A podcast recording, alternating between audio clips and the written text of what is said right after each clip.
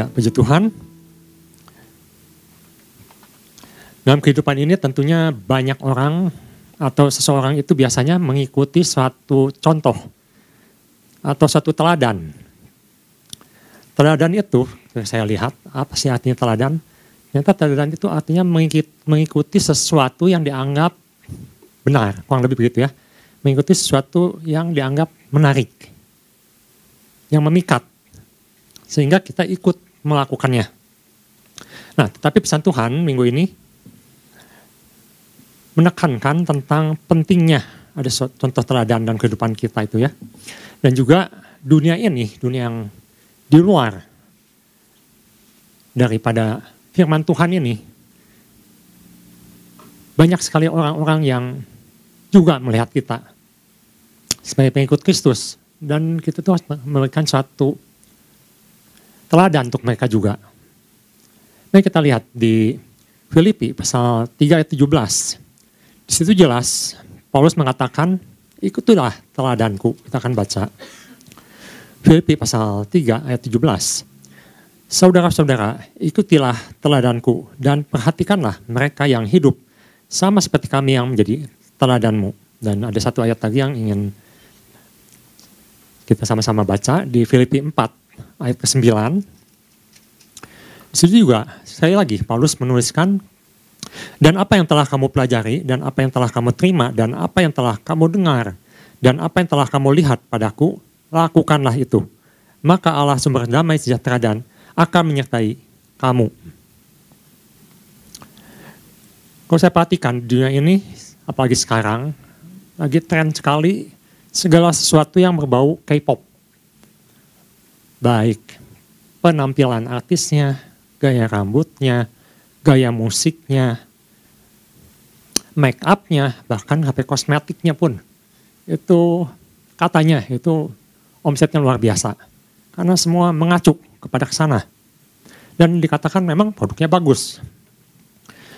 Apa yang membuat mereka bisa mempunyai banyak follower, banyak pengikut, Tentunya karena ada satu pengalaman-pengalaman yang baru, ada sesuatu yang menarik, ada satu kekaguman, ada sesuatu yang memuaskan jiwa.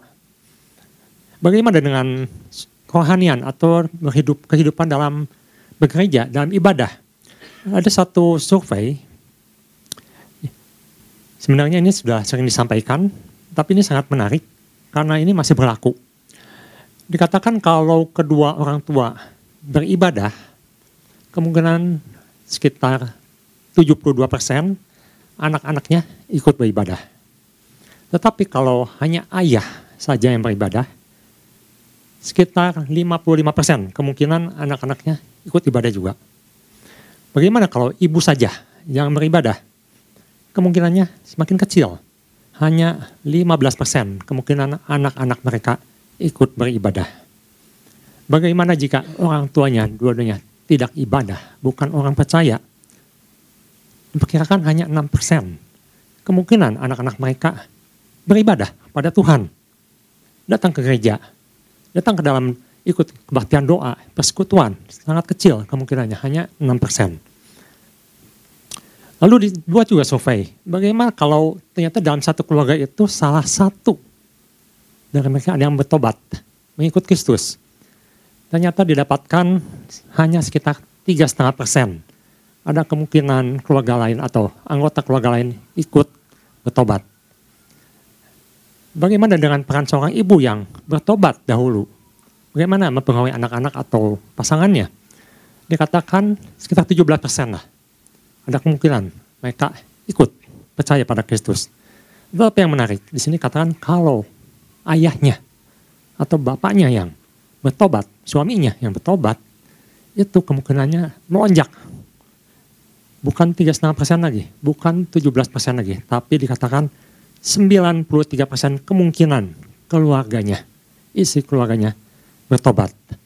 Jadi kita bisa lihat di sini, satu teladan itu pengaruhnya besar sekali. Sesuatu yang dianggap bisa diikuti, satu jadi panutan, jadi satu contoh, itu efeknya besar sekali, terutama dari pihak pria atau ayah atau seorang imam. Paulus di sini mengatakan bahwa ikutilah teladanku. Paulus sebagai ayah rohani bagi jemaat-jemaat. Banyak jemaat yang didirikan oleh Paulus, seperti Filipi salah satunya di sini. Ada Kolose, ada Korintus. Tetapi secara personal juga, Paulus mempunyai anak rohani yang dia bimbing sejak awal, terus menerus, seperti Timotius. Nah apa yang ingin saya sampaikan pagi hari ini adalah, bagaimana kita bisa mengikuti suatu contoh atau suatu teladan atau suatu gaya hidup seseorang kalau kita tidak memiliki tiga faktor ini. Yang pertama, faktor apa yang perlu kita miliki supaya kita bisa sepakat mengikuti seseorang atau suatu ajaran. Yang pertama, kita harus sepakat dulu. Harus sepakat dulu. Amos pasal 3 ayat 3 mengatakan, tidak mungkin dua orang berjalan bersama kalau tidak sepakat dahulu harus ada satu kesepakatan dulu, satu persamaan, suatu yang bisa diterima, suatu yang bisa diikuti. Kemarin Bapak Gembala katakan ada orang yang ikut, ada orang yang ikut-ikutan. Orang yang ikut-ikutan contohnya Yudas. Yudas ikut-ikutan Yesus. Dia mau lihat Yesus, dia pendengar ajaran Yesus. Tapi dia tidak ikut ajarannya, dia tidak ikut kehidupannya. Mengapa? Karena dia tidak sepakat dengan Yesus. Banyak sekali di Alkitab mencatat bahwa Yudas itu banyak bertentangan. Dalam pola pikir apa yang Yesus ingin sampaikan dalam kehidupannya. Contohnya ketika ada seorang perempuan datang pada Yesus, mengurapi dia. Yudas hanya berpikir uang, uang, uang. Tidak melihat jauh apa yang Yesus inginkan, apa yang Yesus impartasikan. Jadi saya katakan Yudas ini ikut-ikutan. Lot sama. Dia ikut-ikutan Abraham. Abraham mempersembahkan, dia ikut-ikutan mempersembahkan. Tetapi apa yang di dalam hatinya, dia tidak sepakat kalau Tuhan itu harus diberikan mesbah, harus disembah. Dalam catatan di Alkitab tidak dicatat seperti itu kehidupan Lot. Jadi Lot ikut-ikutan, walaupun dia orang percaya, tapi dia lebih cenderung ikut-ikutan dalam hal suatu teladan yang diimpatasikan oleh Abraham.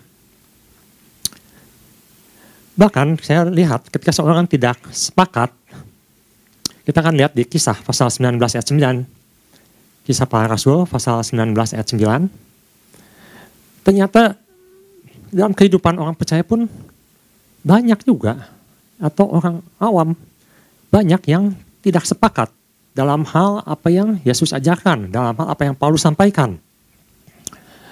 Tetapi ada beberapa orang yang tegar hatinya, tidak menerima. Mereka tidak mau diyakinkan, malahan mengumpat jalan Tuhan di depan orang banyak. Oleh karena itu, Paulus meninggalkan mereka dan memisahkan murid-muridnya dari mereka. Dan setiap hari berbicara di ruang kuliah Tiranus. Ada orang yang menerima konsep, diterima. Ada orang yang tidak menerima. Dengan kata lain, ada yang sepakat, ada yang tidak sepakat. Dan Paulus pisahkan, mana yang sepakat, mana yang tidak sepakat yang sepakat dibimbing, diajar. Dan di Yohanes pasal 6 ayat 56, 60, 66 nanti Ibu Bapak bisa baca.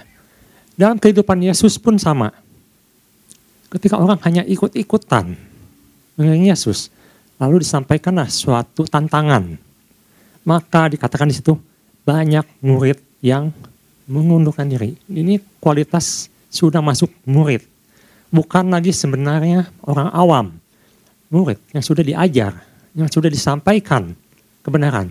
Ternyata dalam kehidupan, dalam proses, karena mereka tidak bisa menerima, menurut mereka tidak masuk akal, menurut mereka ini ajaran yang tidak benar, mereka mengundurkan diri.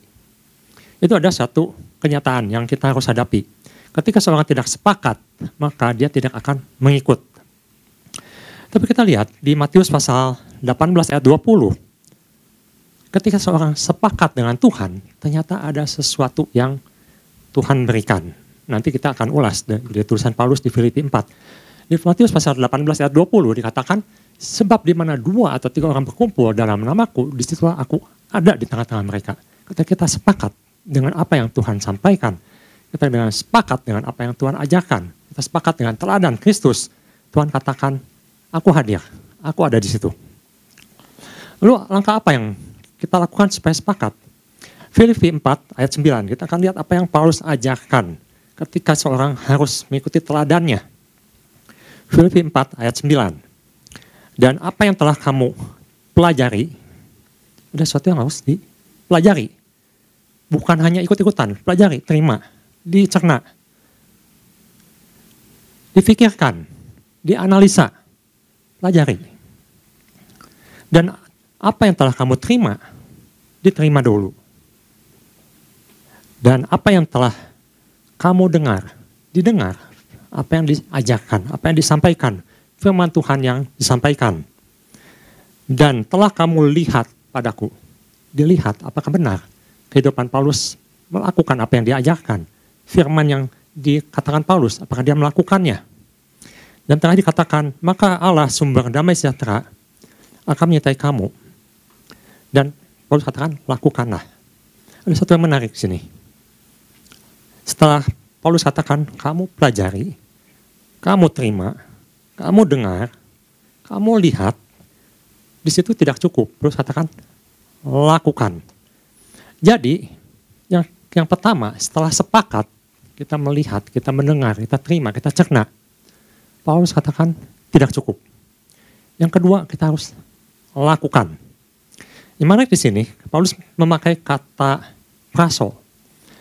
Suatu yang dilakukan berulang-ulang. Terus-menerus, dilatih setiap hari. Berulang-ulang artinya bukan cuma satu kali, bukan cuma satu hari. Terus-menerus, setiap hari dilakukan. Dilakukan apa? Dipelajari, diterima, didengar, dilihat. Jadi keteladanan ini bukan sesuatu yang cuman kita, oh lihat sekali, oke okay lah saya lakukan hari ini. Besok, ya besok beda lagi. Tidak seperti itu. Paulus katakan, lakukan berulang-ulang setiap hari. Lalu di sini katakan, terus menerus. Terus menerus artinya tidak berhenti. Kalau sekarang dilakukan, besok dilakukan, lusa dilakukan, besok nanti tahun depan dilakukan. Terus menerus, tidak berhenti. Tidak istirahat dahulu saya mau istirahat hari ini. Saya nggak akan melakukan firman Tuhan hari ini. Bukan seperti itu. Terus menerus, continue. Dan dikatakan di sini dilatih terus menerus. Jadi ada satu satu bentuk pelatihan, sesuatu yang diasah terus menerus dalam segala keadaan. Kalau saya sedang senang, saya lakukan. Kalau saya tidak senang, saya lagi bad mood, saya tidak lakukan. Bukan seperti itu. Terus katakan dalam segala keadaan. Jadi Paulus ingin semua jemaat termasuk kita melakukan satu teladan Tuhan itu dan Kristus itu terus menerus berulang-ulang dilakukan terus menerus setiap hari, setiap saat. Mengapa kita harus pertama sepakat, kedua kita harus lakukan? Karena ini kenyataan bahwa seperti yang sudah disampaikan, pengaruh dunia sangat kuat. Kita harus akui, pengaruh dunia itu sangat kuat karena pengaruh dunia itu memuaskan jiwa, memuaskan daging. Ada suatu kesaksian waktu itu seorang pebasket saya ambil di Amerika, pebasket terkenal. Dia waktu itu minta maaf kepada followernya karena dia membuat satu pertanyaan, eh, pernyataan bahwa dia ini adalah seorang penganut penganut bumi datar atau flat earth Menurut bumi datar ini mengatakan kalau bumi itu adalah datar, bukan bulat. Tentunya ini bisa menjadi bahan tertawaan untuk orang-orang. Karena kita ketahui ilmu pengetahuan, bukti-bukti pengetahuan sains membuktikan kalau bumi ini bulat. Tapi kok bisa di dunia modern ini ada orang yang menyatakan seorang yang terkenal yang membuat pernyataan kalau bumi itu bulat, eh, bumi itu datar. Mengapa bisa demikian? Karena pengaruh dunia ini begitu hebat, terutama di zaman ini. Kalau zaman dahulu, siapa yang mempunyai informasi, dia menguasai. Tapi kalau zaman sekarang, siapa yang bisa memilah informasi, dia yang bijaksana. Zaman sekarang informasi itu begitu banyak diberikan, sampai-sampai orang ini tidak bisa memilih mana yang benar, mana yang salah, mana yang bisa diterima, mana yang tidak bisa terima, semua ditelan. Dan ketika dia mempercayai suatu pendapat bahwa bumi ini datar, maka sosial media akan mengarahkan dia ke arah yang lebih dalam. Lalu dia diarahkan ke suatu organisasi, suatu perkumpulan yang sama-sama sepakat, sama-sama berpikir, sama-sama menerima kalau bumi ini datar. Itu yang terjadi dan dia minta maaf. Setelah dia mengetahui kebenaran dia minta maaf. Dia salah bahwa bumi ini bulat. Tapi ingin saya sampaikan adalah bahwa pengaruh dunia atau teladan dunia ini begitu luar biasa. Bahwa apa yang kita anggap konyol itu bisa dilakukan sekarang ini. Kenyataannya seperti itu. Karena mereka tidak bisa membedakan mana yang benar, mana yang salah. Maka Paulus sekali lagi katakan, pelajari, terima, pikirkan, lihat. Bukan hanya ditelan, bukan hanya ikut-ikutan.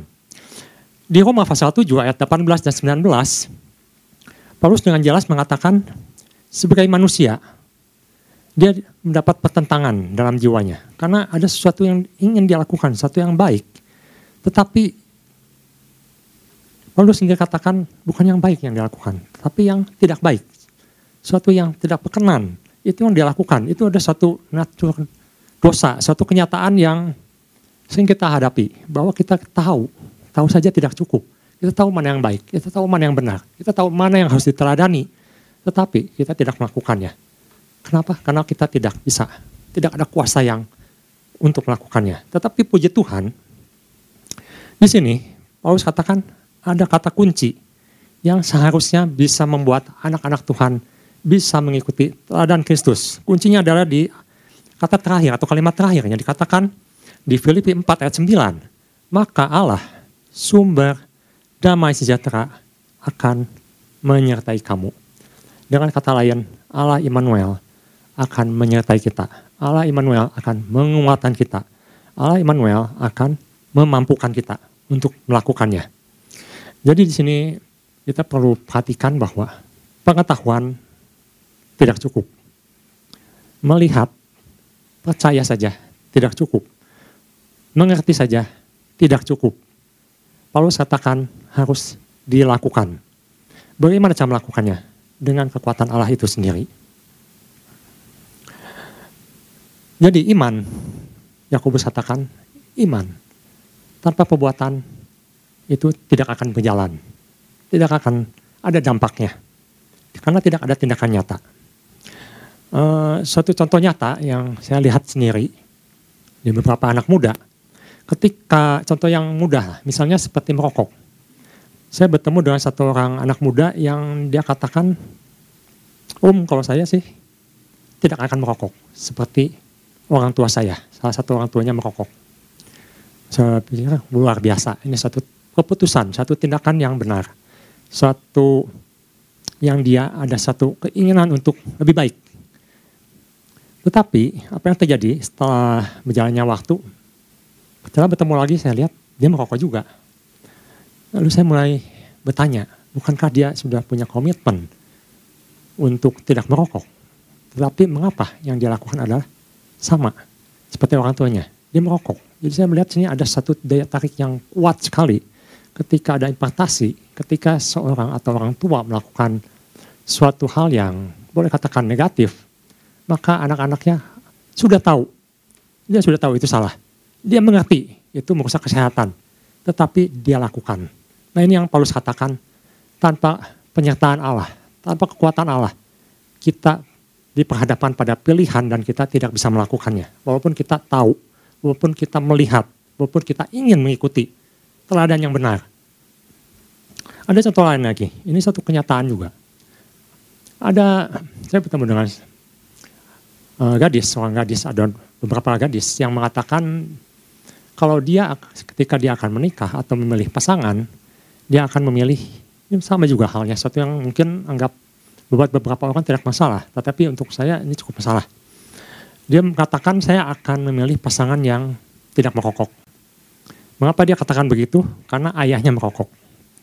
Ayahnya merokok dan dia melihat bagaimana kegiatan ayahnya. Kadang-kadang dia ditegur oleh ibunya supaya ketika dia merokok boleh, tapi di luar, jangan di dalam. Jadi itu satu kegiatan yang dia lihat tiap hari yang dia sudah sesuatu yang menjadi yang biasa dalam kehidupannya.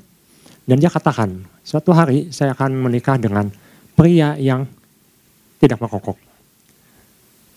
Beberapa orang ini sempat saya dengar dan dia menyatakan seperti itu, tetapi dalam hal kenyataan, saya lihat yang satu menikah dengan yang merokok juga. Yang lain menikah dengan yang merokok juga. Ada hal-hal yang dikompromikan dalam hal ini.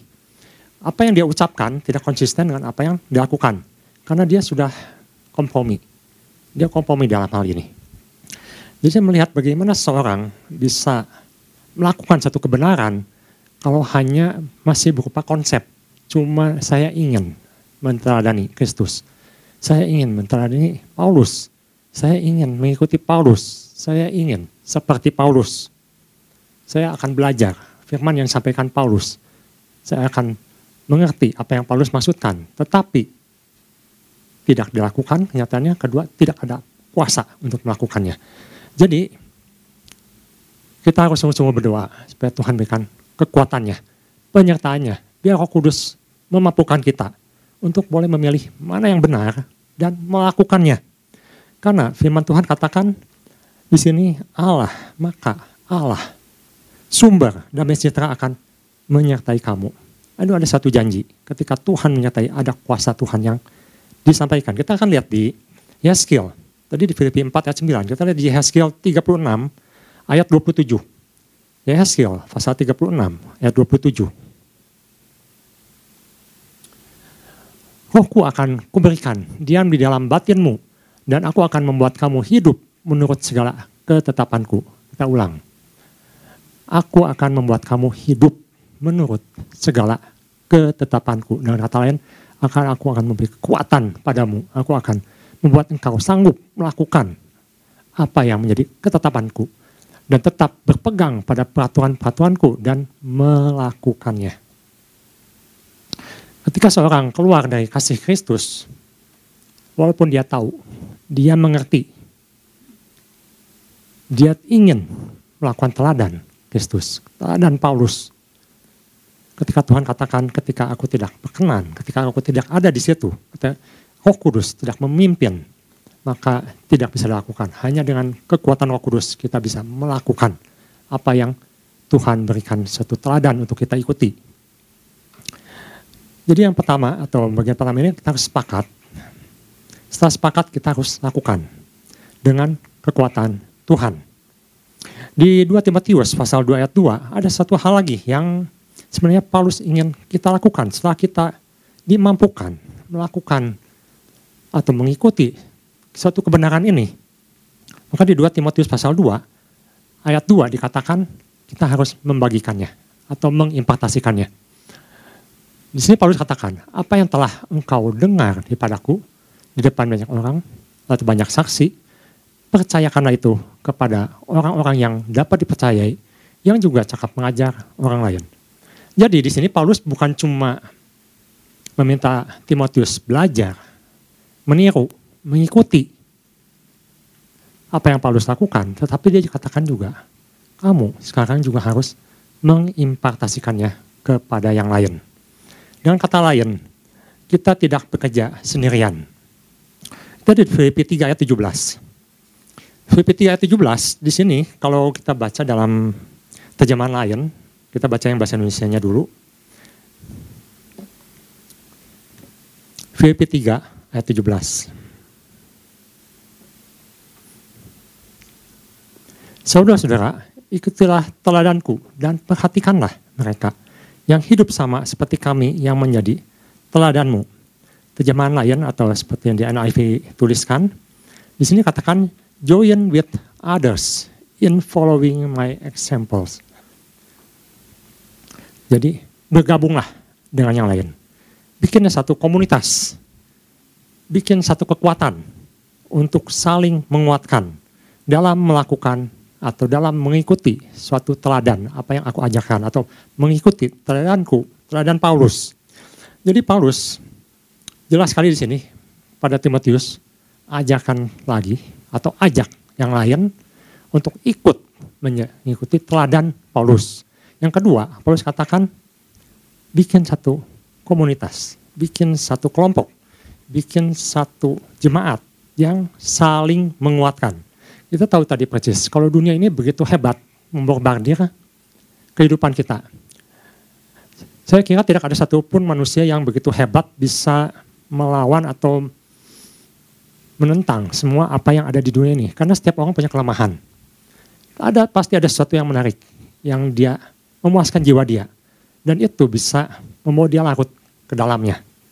Karena itu Paulus katakan kamu harus saling menguatkan, saling mengingatkan, saling mendukung dalam mengikuti teladanku. Dan Paulus katakan pada Timotius, kamu jangan bekerja sendiri. Ajarkanlah kepada yang lain. Impartasikan kepada yang lain. Jadi yang kedua, setelah kita lakukan, kita paham, kita diberikan kekuatan oleh Tuhan untuk melakukannya, untuk mengikuti teladan Tuhan. Maka Paulus katakan bikin komunitas, bikin cari orang-orang yang bisa saling mendukung, saling menguatkan. Dan yang terakhir, kita lihat di Matius pasal pasal 4, pasal 5 ayat 14 dan 16 dan ini juga menjadi satu doa untuk kita. Yesus jelas sekali mengatakan bahwa apa yang menjadi teladan, apa yang menjadi suatu yang baik, yang benar, yang dunia tidak kenal, yang dunia menentangnya, itu harus ditampilkan, bukan ditutupi. Tidak mudah, karena ketika kita menampilkan tentunya akan dilawan. Tapi jelas sekali kalau inilah ajaran Yesus yang ingin kita lakukan, dikatakan kamu adalah terang dunia. Kota yang terletak di atas gunung tidak mungkin bersembunyi. Ayat selanjutnya, ayat 15. Lagi pula, orang tidak menyalakan pelita lalu meletakkannya di bawah gantang, melainkan di atas kaki Dian sehingga menerangi semua orang di dalam rumah itu. Ayat ke-16. Demikianlah hendaknya terangmu bercahaya depan orang, supaya mereka melihat perbuatanmu yang baik dan memuliakan Bapamu yang di surga. Ini adalah doa saya, doa untuk ibu, bapak, saudara, doa untuk semua, supaya kita walaupun sudah mengerti, sudah melakukan, sudah buat komunitas, tetapi Yesus katakan bukan untukmu sendiri, tetapi untuk orang dunia bisa melihat terangmu itu supaya orang lain bisa mengerti juga, bisa mengikuti juga, bisa mengikuti teladan Kristus. Dan itu yang Tuhan rindukan untuk kita lakukan di minggu ini dan minggu-minggu selanjutnya. Kayaknya Tuhan Yesus memberkati.